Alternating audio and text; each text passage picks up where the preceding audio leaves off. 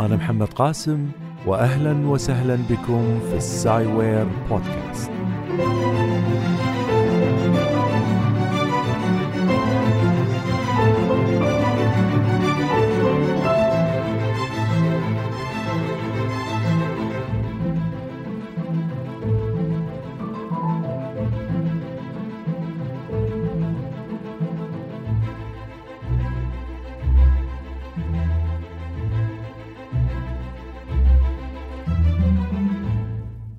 أهلا وسهلا بكم في حلقة جديدة من ال SciWare Podcast. حلقة اليوم هي حلقة مميزة جدا فقد قابلت العالم الكبير كيب ثورن وهو الذي أعد الجانب العلمي وكان المنتج التنفيذي لفيلم Interstellar. تكلمت عنه في حلقة أولى.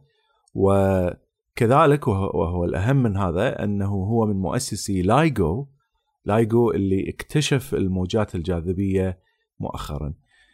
المقابلة هذه ستكون باللغة الإنجليزية أولا ثم بعد ذلك آه، أسرد الترجمة لها باللغة العربية. إذا آه، وجدت صعوبة في فهم بعض الأشياء اللي موجودة في المقابلة هذه قد يكون لأنك ما استمعت للحلقة السابقة. الحلقة السابقة فيها شرح للموجات الجاذبية وهذا الاكتشاف الجديد. الأسئلة هذه تعتمد على كونك أنت عارف على الأقل بعض المعلومات اللي ذكرناها سواء يعني كان على التويتر أنا أيضا ذكرت أشياء وكذلك ذكرت على البودكاست وأماكن متعددة وحتى مقالة في الجزيرة. أوكي أنا الآن أترككم مع المقابلة باللغة الإنجليزية وبعدها مباشرة راح أبدأ بسردها باللغة العربية. Today we have a distinguished guest, Kip Thorne, professor of theoretical physics at Caltech He's the co-founder of the LIGO project, executive producer of Interstellar. He has also authored several books on physics, gravity, black holes, and so on. One of these books is The Science of Interstellar. Uh, Professor Thorne, welcome to the SciWare podcast. Thank you very much. Great to be here. It's great to have you on the show. Um, first of all, congratulations on the discovery of the gravitational waves. Can you tell us a little bit about that? So the gravitational waves are ripples in the fabric of space and time that are produced by things like collisions of black holes and the birth of the universe. Uh, they were predicted by Albert Einstein 100 years ago, uh, and physicists have been trying for about 50 years to detect them uh, mm-hmm. and then begin to use them uh, to explore the universe. The team that uh, I am a member of on a project that I co-founded, the LIGO project, has finally detected the first gravitational waves after uh, decades of preparation and very hard work. This is a team of a thousand people. Uh, I was the co-founder, but I'm not uh, deeply involved in this work in the last 10 years. Right. Uh, we detected gravitational waves from two black holes colliding uh, in the distant universe 1.3 billion years ago. Wow. Uh, so, what is the difference between gravity and gravitational waves? In the electri- in electromagnetism, you have an electric field, you have a magnetic field, and you also have electromagnetic waves, which include light, radio waves, X-rays. Uh, so there are those three different aspects of the electromagnetic field. Right. Similarly, uh, in gravity, there are several different aspects. Uh, there is the gravita- gravitational pull that pulls us to the surface of the Earth. Mm-hmm. There is an analog of a magnetic field, which is produced, for example, by the Earth's rotation. It creates a, a dragging of space into motion around the Earth, very tiny bit. And then there is gravitational waves, the wave aspect. And uh, that's what we have discovered. So it's the analog of discovering light in some sense. So, so, what is exactly waving? We know, okay, so light doesn't require a medium to travel. And is, is this the, the same with gravitational waves? Or is it using some sort of medium to travel through? It is the same as with light. Uh, there's no medium required, but there, uh, there is a difference that light is something that travels through vacuum. It's uh, oscillating electric and magnetic forces that travel through va- vacuum. Mm-hmm. Gravitational waves uh, are ripples in the very fabric of space and time, which is uh, rather different from light that travels through space and time. Mm-hmm. So, if that's the case, if they sort of like light, do they also bend with space time? Do they, if they pass by a black hole, for example, would they bend around it just like light? Yes, they do. They bend around just like light. They behave very much like light in that respect. They have uh, their frequencies shifted if they are produced near a black hole. Then, uh, as they climb out of the gravitational pull of the black hole, uh, their frequencies are shifted to toward the red. Their wavelengths are increased. In other words, uh, and that's the same way as light behaves. So, sorry for these particular for this particular discovery. Did you no, uh, realize or notice that there was a shift uh, in the gravitational waves? Uh, there is a shift uh, due to the expansion of the universe. Mm-hmm. These waves were produced long ago. They travel across the universe. The universe is expanding. And so the wavelength of the waves that we see is uh, a little bit longer than the wavelength of the waves when they were emitted. Right.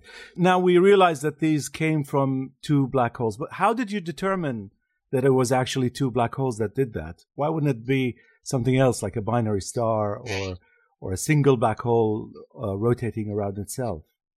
What is observed is a oscillation in the shape of space. And there is a corresponding waveform, the shape of the oscillation. We use the phrase waveform. Mm-hmm.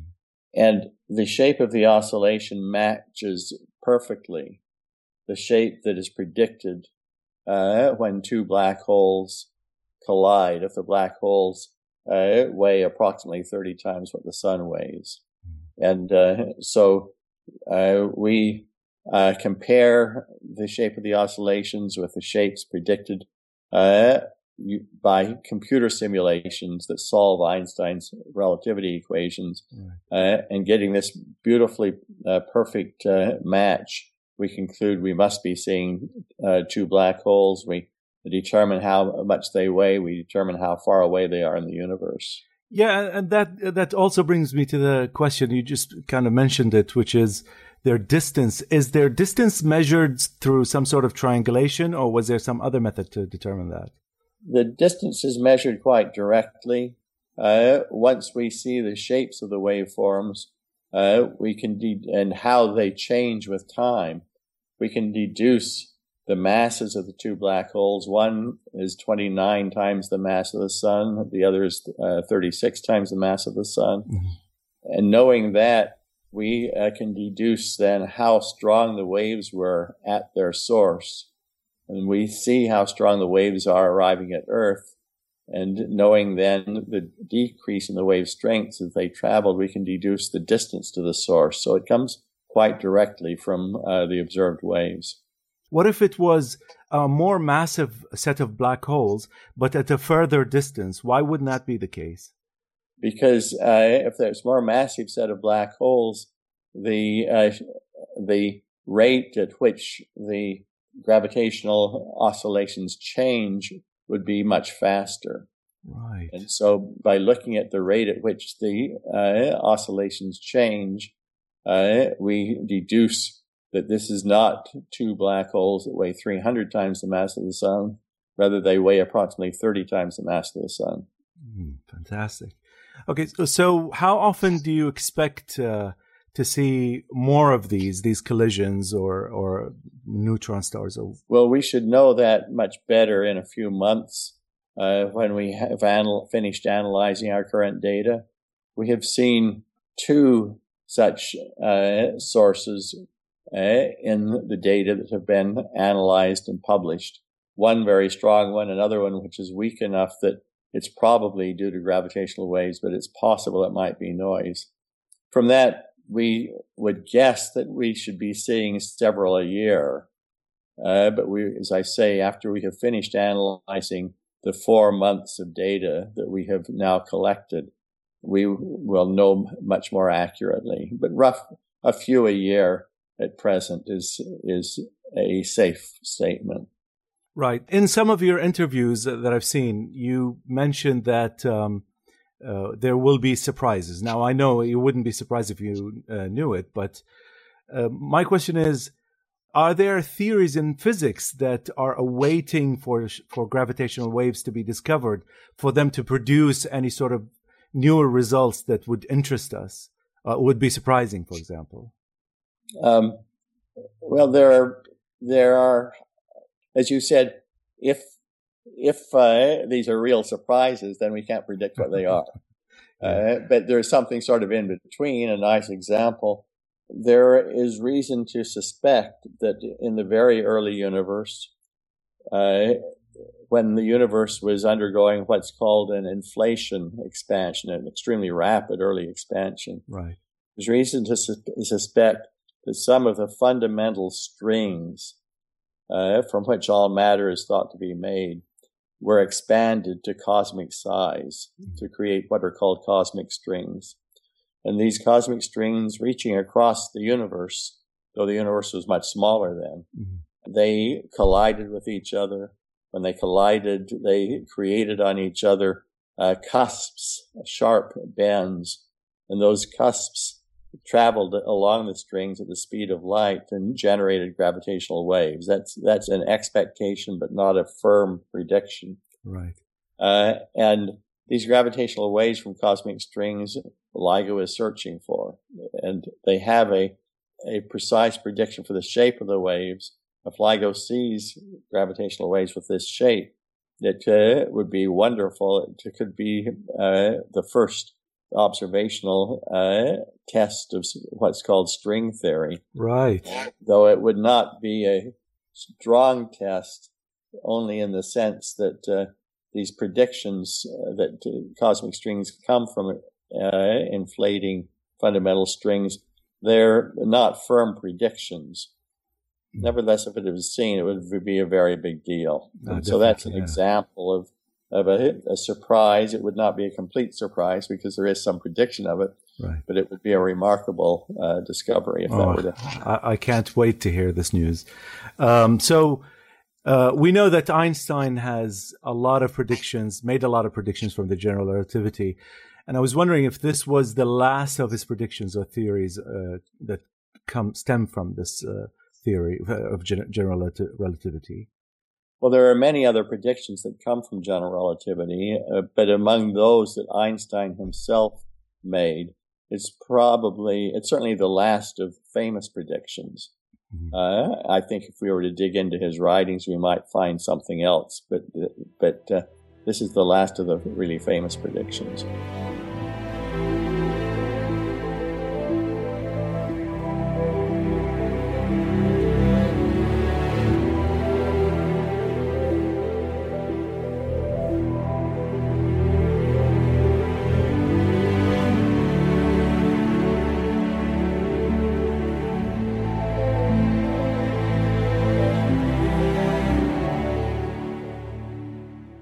Okay, so let's go to the LIGO. I know that uh, I've read on the internet that uh, you you've hung outside your office a document relating to a bet between you and Professor B- Bertucci.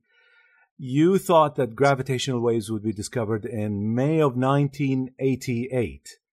Now, what's amazing is that to discover these waves, you needed a LIGO. What did you think then that made you think that this was possible at the time? I've forgotten precisely when we made this bet, but it must have been in the uh, earlier mid 1970s. Right. Uh, when we were just in the process of uh, of uh, making plans for the next generation of gravitational wave detectors. And uh, I think at that time I didn't understand how difficult this would be. Mm. And uh, we had not at that time uh, planned the LIGO project, which ultimately had had its great success. So this was just based on all the efforts that were being made at that time in in the 1970s, and uh, on some guess as to when they might uh, have success. By uh, the mid 1980s, uh, soon, uh, not long before this bet was to be completed, we understood much more clearly what was required and much more clearly how difficult it was going to be. So, okay, so my understanding is that uh, the LIGO can discover uh, a particular size of uh, black holes and neutron stars. I'm not sure what the number is, but I've heard it somewhere uh, on the internet, some some conference. But so so, what is the maximum size that you can detect? It depends on how fast the uh, black holes are spinning. LIGO could see any neutron stars if the signals are strong enough. The neutron stars are in the LIGO frequency band. Mm-hmm. Uh, black holes uh, up to a few hundred times the mass of the sun uh, will still be in the LIGO frequency band. So if it, if it's larger, then it's can't it can't be detected. Am I right? Not by LIGO because uh, the black holes collide and merge uh, before at when they're emitting gravitational waves whose frequencies are too low for LIGO to detect. Um, and so different kinds of detectors will be required for for black holes that are much heavier than a few hundred times the mass of the sun. I see. So so you, you probably need something longer with longer arms. Am I right? That's right. Can they be made smaller though? Can LIGO be made smaller to uh, still detect uh, gravitational waves? Not with current technology. Uh, the te- the larger the detector, the greater the sensitivity. And uh, if you make it much shorter than LIGO, you just lose sensitivity so badly that you don't have much chance to see the waves. So here's another question that might be a stupid one, but uh, I'll ask it anyway. Now we know that the waves are coming in and they're stretching the space, they're stretching Earth and LIGO de- and the LIGO detector. But why isn't li- uh, the light being uh, stretched and compressed where you wouldn't see this difference in, in uh, interference in the waves? Uh, when you look carefully at uh, how LIGO is des- designed, you find that you're continually injecting new light in uh, to LIGO Mm-hmm. And uh, so you're measuring the separation between the masses, as we call it the arm lengths, mm-hmm. at one moment of time with one set of light, uh, a later moment of time with a different set of light. Mm-hmm. And so if you were all the time using uh, the same light, it would be stretched and squeezed, uh, and you'd lose sensitivity a great deal. But uh, uh, but you're not. You're using fresh light continually. Okay, so okay, I want to move to Interstellar, but before that, since we're in this gray area between science and science fiction, uh, let me ask you this: uh, Can gravitational waves, maybe this is science fiction, uh, be ever used for communic- uh, as a mode of communications? Certainly not in the next uh, few hundred years by humans. Much too difficult. It, it, it's quite conceivable that uh, very, very advanced civilizations could do so, but certainly not uh, us in my lifetime or my grandchildren's lifetime. Right.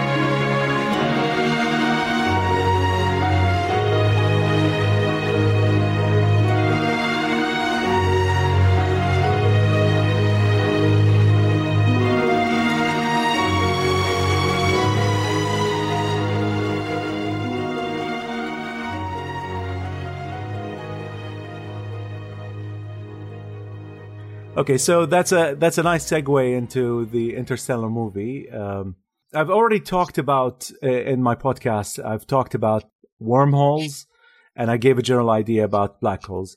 I haven't talked about the LIGO experiment in relation to Gargantua. Was Gargantua discovered by LIGO? In in Interstellar, uh, there are no gravitational waves, and so LIGO doesn't discover anything in Interstellar. Mm. Earlier in the development of the story for Interstellar, in development of the screenplay, which was being written by Jonathan Nolan, the first three drafts of the screenplay, and then by his brother, the director, Christopher Nolan, the final drafts. In Jonathan Nolan's version of the screenplay, as I describe in uh, my book, The Science of Interstellar, mm-hmm. we had a wormhole being discovered by LIGO, but not a black hole. Oh, I see. And that was removed from the uh, from the movie in the final version. Mm-hmm. Oh wow! Oh, I thought it was LIGO then. Uh, maybe because I read your book uh, a couple of times, or maybe yeah, three yeah. times actually, and yeah, I thought, that, yeah, but LIGO did did in as I say, in early versions of the screenplay, mm-hmm. LIGO discovered the wormhole, but it did not discover the black hole Gargantua. Let's move to Gar- Gargantua. In the conference you had, uh, the news conference, uh, David Reitze said that simulation of the black holes merging was closer to reality. Now, I know he was trying to make a joke uh, out of it, but probably wasn't successful. He said it was closer to reality, unlike the rendition that you made in Hollywood. Now, uh, what's going on? Is this rendition, that the one they did, the simulation they did, was that because the black holes are smaller and Gargantua was this large, uh, massive black hole that it was able to bend light around it several times, and you see this fire, shell fire? So I don't recall uh, David Reitze saying this. Uh, let me just tell you what the facts are. Mm-hmm. Um, the uh, simulations that were shown at the press conference were done by a research group that I'm involved with, uh, Caltech, Cornell, uh, Canadian Institute for Theoretical Astrophysics, mm-hmm. uh, were involved in these uh, black hole simulations. And these are simulations of the two black holes that were observed by LIGO as they uh, traveled around each other, collided, and merged. The, the simulations were done by solving uh, the equations for propagation of light around the black holes, right. uh, solving Einstein's equations. This is precisely how the other team that I worked with on Interstellar uh, gener- generated its images of Gargantua by propagating light uh, around the black hole using uh, by solving Einstein's equations. Mm-hmm. So there really is no difference in terms of accuracy in that sense. Um, the big difference is that the black holes seen by LIGO uh, were colliding and so much more interesting in their behavior. Uh, quiescent, the quiet black hole uh, that you see in interstellar. The the reason for the light not being there, sort of swirling around the black hole, is because they probably didn't take it into account. They just wanted the collision of the two black holes as opposed to the light going around it. Well, what you had in Gargantua, you had a disk of hot gas going around Gargantua. Yes. That is the thing that shows up most brightly in the movie. Then the case of the two black holes that uh, collided and merged as seen by LIGO, the observational data show no sign of any uh, such accretion disk. If there had been a, a disk of hot gas around the two black holes, it would have been uh, greatly disturbed by the collision, and there would have been electromagnetic emission from that disk, mm-hmm. light, X-rays, uh, and that would have been seen at Earth. And there was nothing seen at Earth. So in the case of the two black holes uh, discovered by LIGO, there was no accretion disk. In the case of Gargantua, there is. I see. Okay. All right. So uh, uh, there are a few questions that uh, uh, my follow uh, listeners on uh, for the podcast asked me about the movie in particular. They ask how was Cooper able to survive being torn by a black hole? Could you explain this, please? So, if you if the black hole is large enough, then you do not get torn apart as you fall in through the horizon. Mm-hmm. This is a large black hole. It's a hundred million times the mass of the sun. For such a black hole, these tidal forces that tear you apart they are not strong enough to tear you apart or your rocket ship as you plunge through the horizon. However, there are singularities inside the black holes, and at these singularities, the tidal forces are strong enough to tear things apart. And if you look carefully in Interstellar, you see just a momentary glimpse after Cooper ejects from his Ranger spacecraft. Mm-hmm you see a momentary glimpse of the spacecraft having been torn apart. It's torn apart into two pieces. Right. Cooper himself, uh, however, uh, is is scooped up by, captured by this vehicle called a tesseract, and lifted out of our universe uh, into the bulk, into the fifth dimension, uh, just as he's approaching the singularity. And so he is uh, saved from uh, being torn apart. Could you explain what the tesseract is? The tesseract is a, a cube in four dimensions. If you think of a square as being like a cube in two dimensions, uh, then in two dimensions you have a square, in three dimensions you have a cube, a regular cube, an ordinary cube. In four dimensions you have a tesseract, or it's sometimes called a hypercube. Cooper is a three-dimensional being. He uh, his body has three space dimensions, and so he can only live in three-dimensional spaces. The face of a tesseract, each of the faces of a tesseract is three-dimensional, just as if you take an ordinary cube, it has six faces, and the six faces are squares. Similarly, you take a tesseract, uh, it has eight faces, and these eight faces are uh, cubes. So Cooper can live in a cube in a face of the tesseract because he's three dimensional, and oh, the face of the tes- tesseract is three dimensional. So he's captured by the tesseract and deposited in one of its faces, uh, and then carried back to the vicinity of Earth, traveling through the bulk, through the fifth dimension, uh, not through our universe. It's a very short distance back to Earth uh, through the bulk. It's a very long distance down inside our universe. But by going out into the bulk, into the fifth dimension, uh, he's at a, a, location then where the distance back to Earth and to the vicinity of his daughter's bedroom is quite short. He's carried there in just a few minutes' time.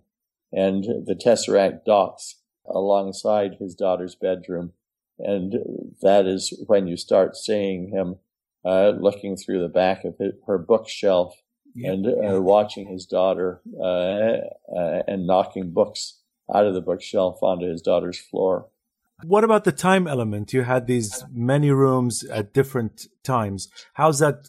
How does that come in into the tesseract? The tesseract is designed and built by bulk beings these bulk beings in the movie are called bulk beings only on one occasion. Otherwise, they're called they, just simply right. they. Yeah. Uh, they are a very advanced civilization that lives in the fifth dimension. And they've designed the Tesseract so that uh, if Cooper travels in the Tesseract, uh, let me back up the tesseract in the movie is a little more complicated than just simply a, uh, a cube in four dimensions. Right. Uh, and I dis- explain this in my book. It's a, a, conception of Christopher Nolan, not mine, but it's very clever. Mm-hmm. Uh, and so, as Cooper sees it in the tesseract, uh, there are many different iterations, versions of his daughter's bedroom. And as he travels spatially from one to another, he's moving through time through his daughter's time. He can travel spatially and uh, move from uh, seeing his daughter today to seeing his daughter, say, five days later by uh, moving down a channel in the Tesseract. Right. Uh, one final question before we let you go. I know you're a very busy, busy person. So, uh, how was Cooper manipulating gravity to send information back? So Cooper uh, wants to send information backward in time to his daughter. Uh, and uh, this again is possible because of the character that uh, of the tesseract that these bulk beings have built.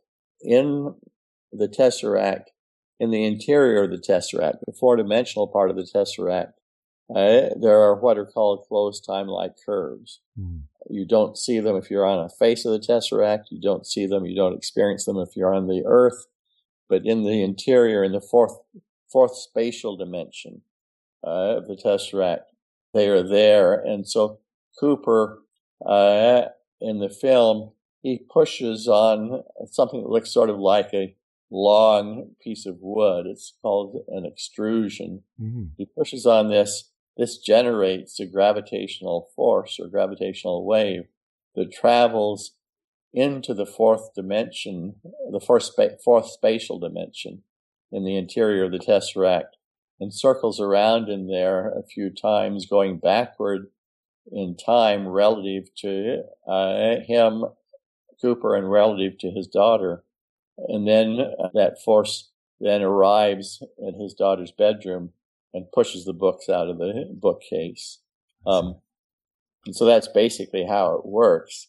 I discuss this in my book, The Science of Interstellar, but the actual technical details are confined to the last drawing in the book in a in a technical appendix. Some of the uh, chapters in your book are quite difficult to understand to be honest if you I don't have enough background to understand some of the things you've mentioned in there and I'm sure that you have you probably have equations for them. Okay, uh, Professor uh, uh Thorne, thank you very much for your for the interview. I appreciate your time. Pleasure talking with you. Thank you. Kip Thorne, professor of theoretical physics at Caltech. He's the co founder of the LIGO project, producer of Interstellar. Thank you so much. Thank you.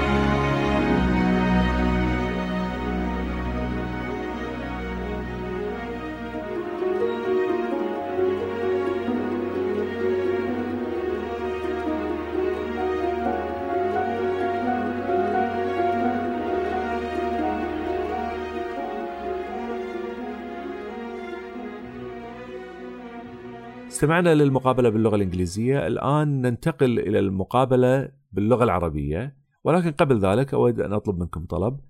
أنتم في العادة تبعثون لي إيميل أو على التويتر أو على الفيسبوك. شكر وثناء ومديح وغيره على الحلقات اللي أنتم تحبونها. وأنا شاكر لكم من كل قلبي هذا العمل. ولكن أطلب منكم أن بدل ما هذه المرة توجهون لي أنا الشكر أن توجهوه إلى كبثون ليش؟ لأن الرجل هذا كان مشغول جدا ومع ذلك أعطاني من وقته للسايوير بودكاست هو أنا طبعا كنت عامل معاه اتفاقية أن أعمل معاه المقابلة قبل شهر منها أو أكثر من شهر وهو يعلم طبعا حتى قبل اكتشاف الموجات الجاذبية أو قبل الإعلان عن اكتشاف الموجات الجاذبية وهو كان يعلم أن الجاذبية قد الموجات الجاذبية قد اكتشفت ومع ذلك قرر أن يعمل معي المقابلة. لا تنسون أن ال SciWare Podcast بالنسبة له هو أمر هامشي بالمقابل مع البرامج المتحدثة باللغة الإنجليزية. لأن العالم الإنجليزي عنده جمهور ضخم أو عنده قنوات ضخمة تستطيع أن تصل إلى شرائح كبيرة جدا. وخصوصا في الولايات المتحدة. ولو أن ال SciWare له جمهور هائل في الولايات المتحدة لأنه في جالية عربية لكن هو لا يعلم ذلك. ف فهو اولا يستحق أن ترسلون له هو الشكر لأنه هو اللي آه، أسس ال LIGO هو اللي عمل فيلم Interstellar لنشر العلم بطريقة محببة للناس وعمل كتاب أو كتب مجموعة من الكتب. فهو الشخص المستحق لهذا الشكر. فهذا اولا. ثانيا لأنه أتى على SciWare Podcast وقرر انه يعمل مقابلة للناس في العالم العربي. وهذا شيء أنتم يمكن ما شفتوه. أنا أنا على الأقل شخصيا ما شفته في مقابلات أخرى إن علماء بهذا الحجم يعملون المقابلات. ولعل إذا ذكرتوا له إن كنتوا قد استمعتوا له من ال SciWare Podcast في شكركم في الإيميل. قد إذا حصل على ال Nobel Prize قد يعطينا فرصة أخرى في مقابلته وتكون المقابلة أيضا لها لذة مختلفة عن المقابلة هذه. ف okay ارسلوا له إيميل. الإيميل هو kip at caltech.edu kip اللي هو k i p سهل at caltech اللي هي c a l t e c h dot edu إيميل سهل ابعث له إيميل. يعني لا لا تجهد نفسك اكتب سطرين شكر سمعته بال SciWare Podcast وإن شاء الله يعمل معنا مقابلة في المستقبل. إن حصل على جائزة النوبل. okay الآن ننتقل إلى الترجمة باللغة العربية. اليوم لدينا ضيف متميز كيب ثورن بروفيسور في الفيزياء النظرية في جامعة كالتك وهو المؤسس المشارك في إنشاء مشروع LIGO والمنتج التنفيذي للفيلم Interstellar. وهو أيضا مؤلف لعدة كتب في الفيزياء والجاذبية والثقوب السوداء وما شابه. واحدة من هذه الكتب هو علم Interstellar. محمد بروفيسور ثورن أهلا بك في ال SciWare Podcast كيب شكرا لك. عظيم أني معكم. محمد من العظيم أنك موجود معنا على البرنامج. أولا مبروك على اكتشاف الموجات الجاذبية. هل من الممكن أن توجز لنا بعض المعلومات عن الخبر؟ كيب الموجات الجاذبية هي تموجات في نسيج الفضاء وقت والتي تنتج من أشياء مثل تصادم الثقوب السوداء وولادة الكون. لقد تنبأ بها ألبرت أينشتاين قبل مئة عام وقد حاول الفيزيائيين على مدى خمسين عاما للكشف عنها ومن ثم استخدامها لاكتشاف الكون. الفريق الذي أنتمي له في LIGO أنا مؤسس مشارك في إنشاء LIGO أخيرا اكتشف أول موجات جاذبية وذلك بعد عشرات السنوات من التجهيز من العمل المضني. هذا الفريق مكون من ألف شخص لقد كنت مشاركا في التأسيس ولكني لست مشاركا بعمق في هذا العمل في السنوات العشر الماضية. اكتشفنا الموجات الجاذبية من ثقبين أسودين تحطما في عمق الكون 1.3 مليار سنة ضوئية. محمد ما هو الفرق بين الجاذبية والموجات الجاذبية؟ كيب. في الكهرومغناطيسية لديك مجال كهربائي ولديك مجال مغناطيسي وكذلك لديك موجات كهرومغناطيسية. وهي تشتمل على الضوء والموجات الراديوية وأشعة إكس إذا هناك هذه الجوانب الثلاثة المختلفة للمجال الكهرومغناطيسي. وبالمثل فإن للجاذبية هناك عدة جوانب مختلفة. هناك الجذب الجاذبي اللي يجذبنا لسطح الأرض وهناك شيء يماثل المجال المغناطيسي وهو المنتج من دوران الأرض وقد يكون سحبا للفضاء حركيا حولها بشكل طفيف. وهناك الموجات الجاذبية الجانب الموجي وهذا ما اكتشفناه وهو يماثل اكتشاف الضوء نوعا ما محمد ما هو الشيء الذي يتموج؟ نحن نعلم أن الضوء لا يحتاج إلى وسط للتحرك هل هذا ينطبق على الموجات الجاذبية أو أنها تستخدم وسطا للسفر من خلاله؟ كيب أنه شبيه في الضوء لا يحتاج لوسط ولكن هناك فرق وهو أن الضوء هو شيء يسير في الفراغ تذبذبات الموجات الكهرومغناطيسية التي تسافر عبر الفراغ الموجات الجاذبية هي ذبذبات في نسيج الفضاء الفضاء والوقت. وهذا يختلف عن الضوء حيث يسير في خلال الفضاء والوقت. محمد إذا كان كذلك إن كانت متشابهة نوعا ما مع الضوء هل تنحني مع الفضاء وقت؟ فإذا مرت على ثقب أسود على سبيل المثال فهل تنحني حوله كما في حالة الضوء؟ نعم إنها تفعل ذلك كما يفعل الضوء. إنها تتصرف كالضوء من هذه الناحية فتردداتها تتحرك. إذا أنتجت بجانب ثقب أسود وحينما تفلت من جاذبية الثقب الأسود فإن تردداتها تحركت ناحية الأحمر أو بعبارة أخرى طولها الموجي يزداد. وهذه هي نفس الطريقة التي يتصرف فيها الضوء. محمد؟ عفوا بالنسبة لهذا الاكتشاف بالذات هل لاحظتم أن هناك تحرك في الموجات الجاذبية؟ كيب هناك تحرك يعود لتوسع الكون. هذه الموجات تكونت منذ القدم رحلت عبر الكون والكون يتسع. ولذلك الطول الموجي للموجات التي نراها هي أطول قليلا من طول الموجات من حيث انطلقت. محمد نحن ندرك أن الموجات الجاذبية أتت من ثقبين أسودين. كيف استطعتم معرفة أنها فعلا كانت بسبب ثقبين أسودين؟ لماذا لم يكن مثلا من نجمين آه، ثنائيين أو ثقب أسود واحد يدور حول نفسه؟ كيف؟ ما يتم ملاحظته هو تردد في شكل الفضاء وهناك شكل موجي مماثل للترددات. نحن نستخدم مصطلح شكل موجي. الشكل الموجي يتطابق تماما وهو الشكل الذي تم التنبؤ به حيث يصطدم ثقبان أسودان. ثقبان يعادلان تقريبا 30 مرة كتلة الشمس. ونحن نقارن شكل الترددات مع الأشكال التي تبنى بها من خلال نمذجة الكمبيوتر والتي تحل قوانين أينشتاين النسبية. ثم نحصل على تطابق تام وجميل ونستنتج أنه لابد أنهما ثقبان أسودان ونستطيع أن نعرف كم كتلتهما وكم يبعدان في الكون. محمد. نعم يأتي بي إلى السؤال الذي مررت عليه وهو المسافة. هل المسافة بيننا قيست باستخدام التثليث أو أن هناك طريقة أخرى لمعرفة ذلك؟ كيب.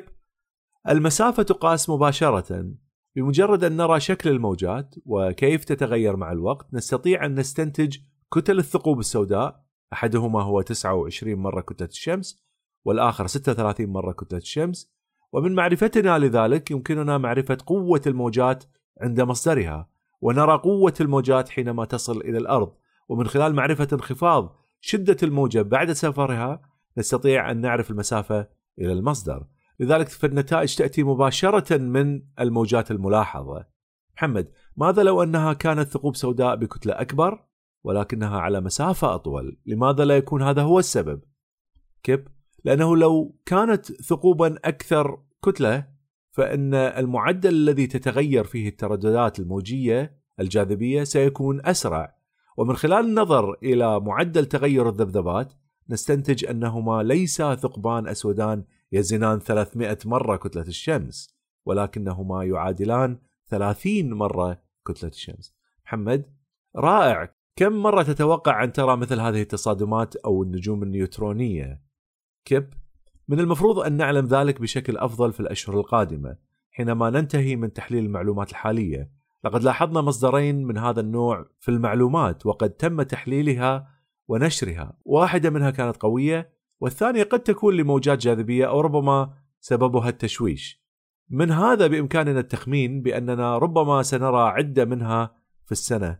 ولكن كما ذكرت بعد أن ننتهي من تحليل أربعة أشهر من المعلومات التي جمعناها سنعرف الإجابة بدقة أكبر. ولكن تقريبا بضع في السنة هذا هو تصريح حذر في المرحلة الحالية. محمد لاحظت في بعض مقالاتك أنك ذكرت أنه ستكون هناك مفاجآت. أنا أعلم أنه لن تكون مفاجأة لو علمنا مسبقا. سؤالي هو هل هناك نظريات في الفيزياء والتي تنتظر أن تكتشف الموجات الجاذبية حتى تعطي نتائج مثيرة بالنسبة لنا؟ أو قد تكون مفاجئة على سبيل المثال. كيب. كما ذكرت إن كانت هذه هي مفاجأة حقيقية فلن نستطيع أن نتنبأ بها. ولكن هناك أشياء في الوسط. مثالا جيدا على ذلك هو أن هناك سبب يجعلنا نعتقد في بداية الكون حينما كان تأثير ما يسمى بالتضخم وهو التوسع الكبير السريع المبكر هناك أسباب تجعلنا نعتقد أن بعض الأوتار الأولية والتي يعتقد أن المواد كلها تتكون منها تمددت بأحجام كونية لتكون ما يسمى بالأوتار الكونية. وهذه الأوتار الكونية تمتد على امتداد الكون حينما كان الكون صغيرا حينها. تصادموا مع بعضهم وحينما تصادموا كونوا نتوءات حزم حادة. وهذه النتوءات عبرت على الأوتار بسرعة الضوء وكونت موجات جاذبية. وهذا توقع ولكنه ليس تنبؤ جازم. هذه الموجات الجاذبية من الأوتار يبحث عنها لايجو وقد تم التنبؤ بشكل هذه الموجات بدقة إن رأى لايجو موجات جاذبية بهذا الشكل سيكون ذلك رائعا وسيكون أول ملاحظة أو اختبار لنظرية الأوتار ولو أنه لن يكون اختبارا قويا من حيث أن التنبؤات التي تأتي منها الأوتار الكونية التي تضخم الأوتار الأولية هي ليست تنبؤات صلبة. مع ذلك لو أنها شهدت ستكون مهمة جدا. هذا مثال على مفاجأة لن تكون مفاجأة كاملة لأن هناك تنبؤا فيها ولكنها ستكون اكتشافا كبيرا. محمد سأكون متشوقا لسماع هذه الأخبار. نحن نعلم أن أينشتاين لديه تنبؤات كثيرة من النظرية النسبية العامة. أتساءل إن كان هذا هو آخر تنبؤ له نتيجة لهذه النظرية النظرية النسبية العامة كيب هناك العديد من التنبؤات التي تأتي من النظرية النسبية العامة ولكن من تلك التي قام بها أينشتاين بنفسه فهي بالتأكيد الأخيرة من تنبؤاته الشهيرة. أعتقد لو أننا بحثنا في كتاباته لوجدنا شيئا آخر ولكن هذا هو آخر تنبؤاته الشهيرة. محمد لنتوجه لل LIGO أنا قرأت على الإنترنت أنك علقت خارج مكتبك ورقة متعلقة برهان بينك وبين البروفيسور بيرتوتي. كنت تعتقد أن الموجات الجاذبية سوف تكتشف بشهر مايو سنة 1988 المثير أنه لاكتشاف هذه الموجات كنت ستحتاج لمثل ال LIGO. ما الذي جعلك تعتقد أن الاكتشاف كان ممكنا حينها؟ كيف؟ لقد نسيت متى بالضبط تراهنا. ربما كان في بداية منتصف السبعينات حينما كنت في سير عملية التخطيط للجيل الثاني من الكواشف للموجات الجاذبية. وفي حينها لم أكن أعلم بصعوبة هذا الأمر ولم نكن قد خططنا بعد لمشروع اللايجو والذي انتهى به المطاف بنجاح عظيم. فكان الرهان مبني على كل الجهود التي بذلت في تلك المرحلة في السبعينات وكان ذلك تخمينا للفترة التي سننجح فيها. وفي منتصف الثمانينات وقبل أن تكتمل مدة الرهان فهمنا بوضوح أكبر ما كان المطلوب وبوضوح أكبر كم هو صعب. محمد فهمي هو أن اللايجو يستطيع أن يكتشف حجم معين من الثقوب السوداء والنجوم النيوترونية. لا أتذكر الرقم تحديدا. سمعت ذلك في مكان ما على الإنترنت من خلال مؤتمر. ما هو الحجم الأقصى الذي يمكن التنبؤ به؟ كيب. ذلك يعتمد على سرعة دوران الثقوب السوداء. LIGO يستطيع أن يلحظ النجوم النيوترونية إن كانت تدور بسرعة كافية. النجوم النيوترونية هي من ضمن حزمة الترددات التي يلتقطها LIGO. أما الثقوب السوداء فهي بقدر عدة مئات من المرات بكتلة الشمس. ستكون من ضمن حزمة ترددات LIGO. محمد إذا إن كانت أكبر لن يمكن الكشف عنها. هل هذا صحيح؟ كيب ليس عن طريق ال LIGO لأن الثقوب السوداء تتصادم وتندمج بحيث تطلق موجات جاذبية تكون تردداتها أقل من قدرة ال LIGO للكشف عنها. سنحتاج لكاشفات من نوع مختلف لثقوب سوداء أثقل بكثير من عدة مرات أكبر كتلة من الشمس محمد ولذلك قد تحتاج لشيء بأذرع أطول أليس كذلك؟ كيف ذلك صحيح محمد هل بالإمكان تصغيرها؟ هل بالإمكان تصغير لايجو بحيث يبقي على قدرته للكشف عن الموجات الجاذبية؟ كيف؟ ليس باستخدام التكنولوجيا الحالية كلما كان الكاشف أكبر كلما كانت الحساسية أكبر وإن صنعته أصغر من اللايجو سيفقد الحساسية بدرجة أنه لن تكون هناك فرصة لرؤية الموجات. محمد لدي سؤال آخر وقد يبدو أنه سخيف ولكني سأسأله رغما عن ذلك. نحن نعلم أن الموجات قادمة وهي تمدد الفضاء والأرض ولايجو لكن لماذا لم يتمدد وينكمش الضوء بحيث لا ترى ذلك الفرق في التداخل الموجي للضوء؟ كيب. حينما تنظر بعناية إلى كيفية تصميم لايجو ستجد أنك تسلط أضواء جديدة فيه. أنت تقيس الفاصل بين الكتل نسميها أطوال الأذرع. ستكون هناك لحظة مكونة من مجموعة من الضوء وفي لحظة أخرى مجموعة أخرى من الضوء. لو أنك كنت تستخدم نفس الضوء طوال المدة فإنه سوف يتمدد وينكمش. ستفقد الكثير من الحساسية ولكنك لن تفعل ذلك. أنت تستخدم ضوءا جديدا باستمرار. محمد أريد أن أنتقل إلى انترستيلر ولكن قبل ذلك وبما أننا في المنطقة الرمادية بين العلم والخيال دعني أسأل السؤال التالي. هل من الممكن أن تستخدم الموجات الجاذبية؟ ربما سيكون ما سأقوله خيال علمي كوسيلة اتصال. كيف؟ بالتأكيد ليس خلال بعض المئات من السنوات القادمة عن طريق البشر. سيكون ذلك صعبا. من الممكن تصور حضارة متطورة جدا تقوم بذلك. ولكن بالتأكيد لن يكون ذلك نحن لا في حياتي ولا في حياة أحفادي. محمد جيد. هذه هي نقلة جيدة إلى فيلم Interstellar. لقد تكلمت مسبقا في البودكاست عن الثقوب الدودية وقد أعطيت مقدمة عامة عن الثقوب السوداء. لم أتكلم عن تجربة LIGO وعلاقته ب Gargantua هل اكتشف Gargantua عن طريق LIGO؟ كيب. في فيلم Interstellar لم تكن هناك موجات جاذبية ولذلك LIGO لا يكتشف شيئا في Interstellar. في فترة التطوير لقصة Interstellar مبكرا أثناء تطوير السيناريو الذي كان يكتب عن طريق جوناثان نولان المسودات الثلاثة الأولى للسيناريو وبعد ذلك عن طريق أخوه المخرج كريستوفر نولان المسودة النهائية في نسخة جوناثان نولان كما شرحت في كتابي علم الفيلم Interstellar. لقد كان لدينا ثقبا دوديا وهو الذي اكتشف عن طريق LIGO ولكن ليس الثقب الأسود. ثم أزيلت من الفيلم في النسخة النهائية.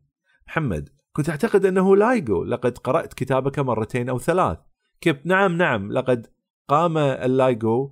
آه، كما ذكرت في النسخة الأولية من السيناريو أن ال LIGO اكتشف الثقب الدودي ولكنه لم يكتشف الثقب الأسود جرجانشوا. محمد لننتقل إلى جرجانشوا.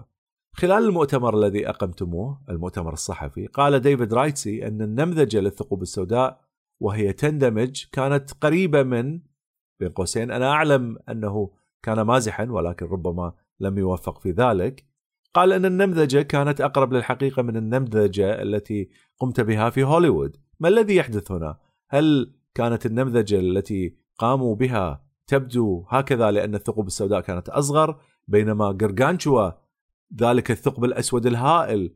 استطاع أن يلوي الضوء حوله عدة مرات لكي ترى الغلاف الناري. كيف لا أتذكر قول ديفيد رايسي هذا الشيء. لأذكر لك الحقائق. النمذجة التي عرضت في المؤتمر الصحفي أعدت من فريق أعمل معهم في جامعة كالتيك والمؤسسة الكندية للفيزياء الكونية. كانا مشتركين في نمذجة هذين الثقبين الأسودين. وكانت هذه النمذجة هي لثقبين أسودين لوحظا عن طريق لايغو أثناء رحلتهما حول بعض ثم اصطدما واندمجا. صنعت النمذجة عن طريق حل معادلات انتشار الضوء حول الثقب الأسود حل لمعادلات أينشتاين. وهذا بالضبط ما قام به الفريق الآخر الذي عملت معه بالضبط على Interstellar لإنتاج صورة ل Gargantua وذلك عن طريق نشر الضوء حول الثقب الأسود باستخدام قوانين أينشتاين. لذلك ليس هناك أي فارق من ناحية الدقة من هذه الناحية. الفرق الكبير هو أن الثقبان الأسودان اللذان اكتشفا عن طريق LIGO كانا يصطدمان كانا أكثر إثارة في تصرفهما. الثقب الأسود الهادئ الذي تراه في Interstellar. محمد السبب لعدم وجود الضوء ملتفا حول الثقبين الأسودين هو لأنه ربما لم يؤخذ في الحسبان وربما كان الهدف هو اصطدام الثقبان بدلا من محاولة رؤية الضوء من حولهما. كيب ما كان لديك في جرجانشوا هو قرص من الغاز الحار يحيط به وهو الشيء الذي يظهر مضيئا بدرجة كبيرة في الفيلم. أما في حال الثقبان الأسودان اللذان اصطدما واندمجا كما رآهما LIGO فإن المعلومات لم تدل على وجود قرص مزود. لو كان هناك قرص من الغاز الحار حول الثقبين الأسودين لتأثر كثيرا من الاصطدام وستكون هناك انبعاثات كهرومغناطيسية من ذلك القرص مثل الضوء وأشعة إكس. وكانت سترى من الأرض ولكنها لم ترى من الأرض. لذلك في حالة الثقبين الأسودين اللذين اكتشفا عن طريق LIGO لم يكن هناك قرص مزود وفي حالة جرجانشوا كان ذلك موجودا. محمد هناك بعض الأسئلة التي يسألني إياها مستمعي البودكاست عن الفيلم. يسألون كيف يمكن لكوبر أن ينجو من التمزق في الثقب الأسود؟ هل من الممكن أن تشرح ذلك لو سمحت؟ كيب؟ لو كان الثقب الأسود كبيرا بما فيه الكفاية فإنك لن تتمزق حينما تسقط إلى داخل أفق الحدث. هذا الثقب كبير وهو بكتلة الشمس 100 مليون مرة. لمثل هذا الثقب الأسود فإن القوة المادية التي تمزقك إربا هي ليست كافية لتفعل ذلك. لك أو لمركبتك وأنت تهوي خلال أفق الحدث. ومع ذلك هناك تفردات بداخل الثقب وعند هذه التفردات فإن لديها القوة الكافية لتمزيق الأشياء إربا. ولو تشاهد بدقة في Interstellar سترى ومضة لحظية بعدما يقذف كوبر نفسه من المركبة الفضائية. سترى ومضة لحظية للمركبة حينما تتمزق إلى جزئين. ولكن كوبر يتم سحبه عن طريق هذه المركبة التي لقبت بال tesseract لترفعه من كوننا إلى الجرم في البعد الخامس عندما اقترب من التفرد. ولذلك أنقذ من غير أن يتم تمزيقه محمد هل من الممكن أن تشرح ما هو ال tesseract؟ كيب. ال tesseract هو مكعب في الأبعاد الأربعة. لو أنك تتصور المربع على أنه مكعب ولكن في بعدين إذا في بعدين ستحصل على مربع. في ثلاثة أبعاد ستحصل على مكعب مكعب اعتيادي. في الأبعاد الأربعة لديك tesseract. وأحيانا يطلق عليه اسم مكعب hyper. كوبر هو كائن ثلاثي الأبعاد جسمه في ثلاث أبعاد مكانية ولذلك يستطيع أن يعيش في ثلاثة أبعاد مكانية. وجه التسراكت كل وجه منه هو ثلاثي الأبعاد كما لو أخذت مكعبا طبيعيا فسيكون لديه ستة أوجه. الأوجه الستة كل منها مربع. بالمثل لو أخذت التسراكت فإن لديه ثمانية وجوه وهذه الثمانية وجوه هي مكعبات لذلك فإن كوبر يستطيع العيش في وجه من وجوه ال tesseract لأنه ثلاث أبعاد. ووجه ال tesseract ثلاثي الأبعاد. إذا أمسك به ال tesseract وأدخل في أحد أوجهها ثم حمل إلى جوار الأرض مسافرا خلال الجرم البعد الخامس ليس خلال عالمنا. وهي مسافة قصيرة إلى الأرض من خلال الجرم ومسافة طويلة خلال كوننا. ولكنه من خلال الجرم وفي البعد الخامس هو في مكان بحيث أن المسافة إلى الأرض هي بجانب غرفة ابنته هي قصيرة. ويصل إليها خلال دقائق وتسراك تقف بالقرب من غرفة ابنته وهذا حينما تراه وهو ينظر خلف مكتبتها ينظر إلى ابنته ويلقي الكتب خارج المكتبة وعلى سطح أرض غرفة ابنته محمد ماذا عن العامل الزمني؟ كان لديك الكثير من الغرف في أوقات مختلفة كيف تعالج ذلك من خلال التسراكت؟ كيب ال tesseract بني عن طريق كائنات الجرم هذه هذه الكائنات سميت بذلك فقط تحت ظرف واحد ولكنهم في العادة سموا بهم إنهم حضارة متقدمة تعيش في البعد الخامس وقد صمموا ال tesseract حتى إذا ما سافر كوبر خلاله. دعني أعود قليلا. ال tesseract في الفيلم هو أعقد بقليل من كونه مكعبا في الأبعاد الأربعة وقد شرحت ذلك في كتابي وهو ابتداع ذكي من كريستوفر نولان وليس لي شخصيا كما يرى ذلك كوبر. هناك تكرارات لغرفة ابنته وحينما يسافر مكانيا من مكان إلى آخر فهو يتحرك خلال الزمن خلال زمن ابنته. يتحرك مكانيا ليرى ابنته اليوم ثم خمسة أيام بعد ذلك وذلك انتقالا إلى الأسفل في التسراكت محمد سؤال أخير قبل أن نتركك. أنا أعلم أنك شخص مشغول. كيف تحكم كوبر بالجاذبية لإرسال المعلومات إلى الماضي؟ كيب. كوبر أراد إرسال المعلومات رجوعا بالزمن إلى ابنته وهذا كان ممكنا لأن بسبب طبيعة ال tesseract التي بناها كائنات الجرم. في ال tesseract بداخله في الأبعاد الأربعة منه هناك ما يسمى بخطوط زمنية مغلقة. لن تراها إن كنت على وجه من وجوه التسراكت لن تراها ولن تشعر بها إن كنت على الأرض ولكن من الداخل من البعد الرابع المكاني في التسراكت فهي موجودة هناك.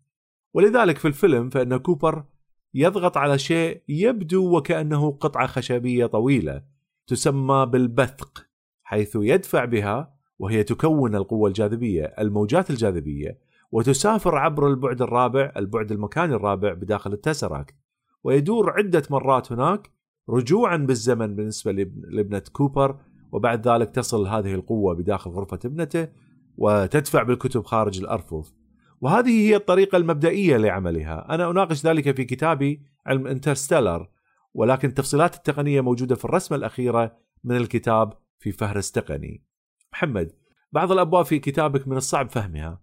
إن أردت أن أكون صادقا آه، ليست لدي الخلفية الكافية لفهم بعض الأشياء التي ذكرتها هنا وهناك. وأنا متأكد أن لديك قوانين لها. بروفيسور ثورن شكرا جزيلا للمقابلة. أقدر لك وقتك. كيب. سعدت بالتحدث معك. شكرا.